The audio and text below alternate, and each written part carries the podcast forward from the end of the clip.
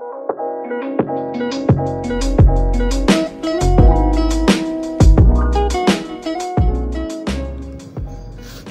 Sobat Deskofi Nah kali ini kita kedatangan tamu nih dari alumni Universitas Ma'arif Hasim Latif. Kebetulan beliau eh, merintis bisnis di bidang agensi desain. Nah mungkin Mas bisa kenalkan Oh iya. sekilas profilnya Hai, nama saya Trida. Saya alumni Umaha. Kebetulan saya punya sebuah bisnis yaitu tentang agensi brand. Kita menangani tentang eh, bisnis-bisnis eh, di sekitaran seperti pemerintah, mulai dari UMKM, terus habis itu eh, event-event project sampai produk-produk artis kayak gitu. Oh, Jadi eh, dalam bisnisnya ini berkecimpung kayaknya di bidang ini ya Desainnya. apa? Desainnya Iya. itu ya kita hanya membackup sebuah niche yaitu visual desainnya. Jadi kita backup tentang seperti uh, orang yang per- uh, mau bikin usaha, biasanya mereka kan bingung untuk uh, produk packagingnya seperti apa sih, logonya seperti apa, Hmm. terus uh, media marketing untuk promosinya seperti apa sih. Nah itu bisa kita backup uh, untuk membantu mereka menjalankan usahanya. Oh gitu. Nah ini eh, kalau semisal nih eh, untuk orang yang pertama kali ingin mencoba dunia branding ini apa sih mas yang perlu disiapkan? Eh, tentang orang yang jual usaha atau pengen bikin usaha branding maksudnya Orang yang jual usahanya. Eh, berarti eh, orang yang mau pengen bisnis ya Iya. Eh, sebenarnya branding itu bisa dikatakan kita kapan sih perlu untuk branding itu Hmm. sebenarnya eh, branding itu diperlukan untuk membangun sebuah eh, bisnisnya. Jadi kita nggak perlu kita perlu nggak sih branding di awal atau perlu nggak sih branding kalau sudah jalan? Itu adalah eh, persepsi yang sama-sama benar sebenarnya. Jadi branding itu kita gunakan untuk membantu orang untuk eh, memaksimalkan komunikasi produknya ke marketing atau ke marketnya seperti itu. Kan ada nih mas kan di luar sana sebenarnya eh, banyak orang yang apa ya istilahnya ketika mencoba untuk apa memulai bisnis kadang mereka itu menyepelekan sebuah branding Nah, Nah itu sebenarnya gimana sih kalau menurut masnya Ah. sampai sepenting mana itu branding itu Ah. sendiri? gini, eh, ada persepsi kayak branding itu sebenarnya ngaruh nggak sih ke usaha kita? Hmm. Nah, contohnya kalau kita hanya memikirkan bisnisnya, kita di era sekarang kita bisa kalah dengan kompetitor dengan cara banding-bandingan harga. Oh, Nah kayak gitu. Lah branding itu mensupport untuk bisnis mereka supaya uh, bisa berkembang. Contohnya kayak gini. Uh, otak manusia itu biasanya menerima marketing message itu 544 sehari. Hmm. Itu berdasarkan riset. Nah, otak manusia hanya bisa menangkap satu persennya saja. Hmm. Nah, kalau kita tidak memanfaatkan branding, mereka tidak akan menerima message yang kita sampaikan. Nah, kayak gitu. Jadi penting sekali branding itu untuk eh, istilahnya kalau sebenarnya branding itu bukan eh, bukan masalah tentang kayak logo dan packaging dan lain-lain. Eh, branding itu sebenarnya bagaimana sih kita me- istilahnya menyampaikan info atau pesan yang terd- eh, terdapat dari sebuah produk itu. Oh, kayak gitu. begitu. Jadi memang penting sekali ya mas. ya? Penting sekali. Ketika kita membangun sebuah usaha Ya. itu kita harus buat brand itu sendiri ya. Jadi sama kayak kita kita bisa bikin produk nih. Kalau Hmm. kita nggak tahu branding, kita akan taruh produk kita di etalase market yang sama-sama niche-nya. Contohnya di Alfamart nih. Kita akan naruh minuman kita di sama-sama di kulkas Alfamart Hmm. Yang memang sejenis. Nah, kalau memang kita nggak pakai itu branding, kita nggak akan tahu pesan yang kita sampaikan. Contohnya nih, eh, kopi-kopi yang sudah beredar di pabrikan, mereka akan mendistribusikannya ke Alfamart atau ke Indomart yang lain-lain. Iya. Itu mereka nggak akan taruh gitu aja. Mereka akan eh, boost untuk marketingnya. Mereka akan sampaikan lewat iklan. Iklan itu adalah sebuah eh, jalan branding untuk menyampaikannya. Contohnya eh, di dalam kopi itu storynya apa sih yang pengen disampaikan kayak gitu. Hmm. Terus habis itu manfaat kopi ini apa sih sebenarnya? Nah, manfaat dan eh, story itu yang perlu dipublish ke semua orang marketnya itu jadi kayak umpamanya tanpa kita harus eh, tanpa kita harus eh, membaca sebuah brosurnya dari kopi itu mereka kan tahu tersampaikan oh kopi ini ternyata eh, produknya terbuat dari kop- eh, kopi yang diseduh oleh petani-petani di pegunungan. Itu sebenarnya bisa disampaikan. Kayak gitu. Begitu. Jadi pentingnya ini juga ya apa Iya. eh, apa sih produk yang kita buat dan apa sih yang menjadi pembeda di antara kompetitor yang lain? Iya betul. Itu juga penting. penting sekali nah seperti itu. ini kebetulan kan eh, saya kan juga sempat baca-baca apa namanya profilnya Oh, Mas iya. di LinkedIn nih. Iya. Nah, kebetulan Masnya juga eh, jebolan anak 1000 startup. oh iya Nah, itu mungkin bisa diceritakan nih Mas kok bisa sampai arah ke sana gitu dan Ah. bisa bangun seperti ini. sebenarnya eh, kemarin ada sebuah event dari pemerintah yaitu Kominfo ya Hmm.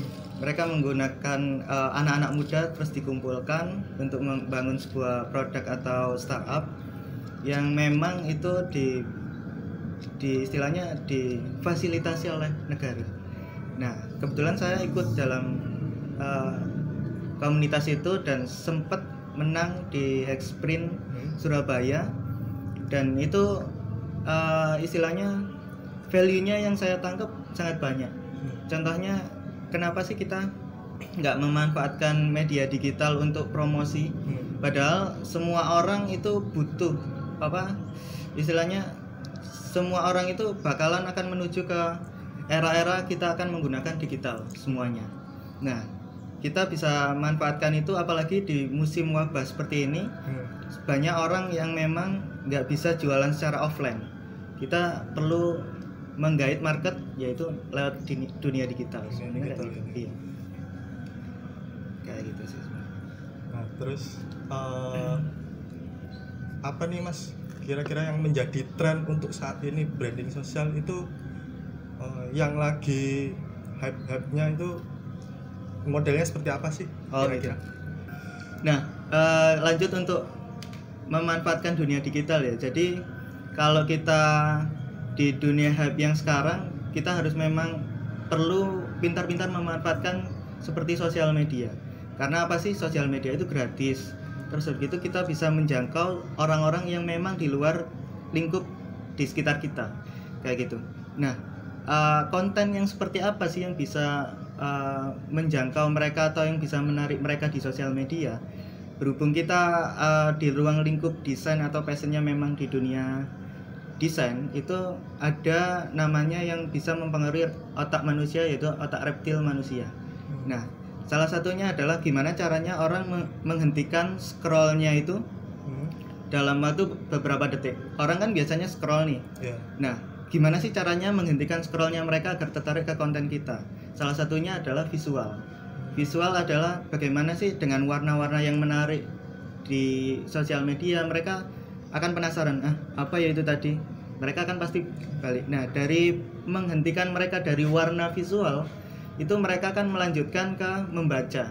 Nah, pentingnya orang-orang desain di dalam sebuah informasi itu adalah uh, orang itu mempunyai gambaran sesuatu produk atau sesuatu imajinasi itu dengan tepat. Kalau kita sama-sama baca nih, Ya. saya baca buku, masnya juga baca buku. Itu akan kesimpulannya kan beda, Beda. karena imajinasi seseorang itu beda. Sama dengan orang uh, memahami sebuah desain. Ada orang yang bilang bagus, ada yang enggak. Nah, dengan visual desain kita akan menempatkan uh, imajinasi seseorang itu dengan tepat. Oh. Contohnya, pakailah masker. Hmm. Jika ada kata-kata itu, kita akan me- meng- mengimajinasikannya berbeda. Bisakah masker ditaruh di sini? Iya. Bisakah masker ditaruh hanya di tangan? Iya, Nah, dengan visual, pakailah masker dengan cara gambar orang yang memakai masker di mulut. Nah, imajinasi seorang akan bisa terinfokan dari situ sebenarnya. berarti kita juga eh, menyatukan persepsi Iya. dari eh, apa eh, dari visual itu tadi ya Ya, sebenarnya uh, tempatnya hanya berbeda, tapi caranya hampir sama. Kalau memang di dunia offline kita menginfokan mungkin dari brosur benar. dari packaging orang kan nggak melulu kita harus datang ke toko jadi mereka kalau di sosial media ya lihatnya di sosial media Iya, iya, iya. tinggal kita menginfokannya berbeda medianya seperti itu Ini mau tanya nih mas, sampai sejauh mana sih eh, perkembangan agensi yang khususnya di bidang branding Hmm. dan juga kan sebenarnya agensi itu eh, di Surabaya sidoarjo ini kan juga banyak sebenarnya. Nah ini sampai sejauh mana sih mas? Kalau menurut masnya sendiri? Ah, sebenarnya anak yang sudah lulus untuk seperti kita sudah keluar dari universitas Hmm? punya gelar dari DKV itu sebenarnya ah, ilmunya sudah cukup Hmm. untuk membantu mereka yang memang kekurangan atau kurang mengerti tentang dunia brand atau visual design. Nah, ah, kebetulan memang sudah banyak. Ah, gimana caranya kita memanfaatkan ilmu brandingnya itu untuk lebih menang di pasar. Hmm. Contohnya kita nggak harus ngikut-ngikut kok sama orang-orang yang memang ini lagi booming apa bikin desain yang kayak gini nih gitu. Hmm. Kita nggak perlu ngikut seperti itu. Kita ambil aja niche-nya. Contohnya uh, channel saya ternyata banyak para UMKM. Oke, kita fokus aja ke market itu, jangan ke market lainnya.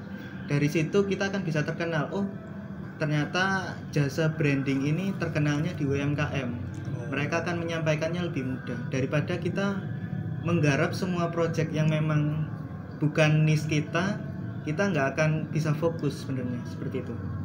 Jadi kita punya istilahnya expert di dunia tertentu lah. Ambil sebuah unique unique value-nya untuk kita serap dan kita distribusikan.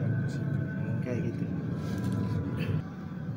Apa sih mas yang sekiranya dibutuhkan dalam membangun brand sosial media? Uh, sebenarnya kalau memang kita it- uh, untuk membangun awal ya untuk sosial media gimana sih caranya supaya sosial media itu kelihatan profesional? Yang pertama adalah kita harus mengerti value warna. Jadi uh, memang brand kita ini marketnya seperti apa sih? Contoh nih kalau memang kita jual produk bayi itu warna-warna apa sih yang cocok? Jadi warna-warna cerah kita bisa pakai seperti itu. Ya, yang kedua adalah kita pelajari uh, kompetitor kita seperti apa sih sebenarnya kalau kompetitor kita uh, punya ide-ide yang seperti ini kita bisa ambil value-nya dari apa sih? Jadi kita harus riset kompetitor riset warna terus habis gitu konten-konten yang seperti apa sih? Biasanya kalau di konten Instagram itu mereka jangan uh, terlalu banyak post tentang jualan karena mereka akan bosan. Selingilah buat tips trik untuk mereka tertarik untuk follow kamu. Jadi follow kamu itu dia punya value nggak melulu tentang dijualin Dijualin. karena orang kalau dijualin pasti kan bosan jadi mereka istilahnya wah aku follow ini ternyata dapat manfaat selain dia jualan dia sharing tentang tips trik seperti itu sebenarnya. Jadi pentingnya adanya call to action sama Iya.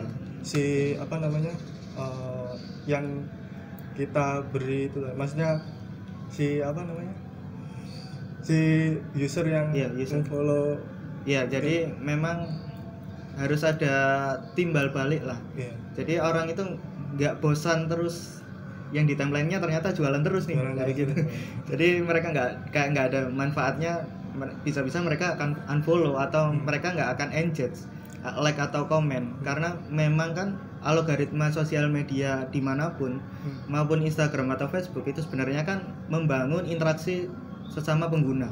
Jadi kalau mereka mereka memang nggak interaksi itu akan uh, algoritma mereka akan memutus tali rantainya. Jadi memanfaat uh, memprioritaskan mereka yang uh, untuk berinteraksi kayak gitu. Nah mungkin sebenarnya. ada ini mas untuk pesan dan kesan untuk Oh, iya. teman-teman DKV nih untuk yang sekarang. Uh, pesan kesannya sebenarnya apa pun desain kalian jangan merasa bagus atau jelek ya? Jadi jelek dan bagus itu sebenarnya adalah bisa dinilai dari marketnya kalian. Jadi bukan diri kita yang menilai desain kita bagus tapi orang yang melihat. Sebenarnya uh, seenggaknya kita sudah merasa desain kita bagus. Cuman ternyata waktu kita explore di banyak orang mereka banyak menilai itu uh, istilahnya kurang bagus. Nah kita bagaimana sih desain yang bagus itu sebenarnya kita cukup 80% aja. Orang yang mengatakan bagus itu sudah uh, menandakan validnya bagus. Dan yang kedua adalah uh, komunikasi yang disampaikan yang dari awal tadi saya bahas itu tersampaikan sudah itu.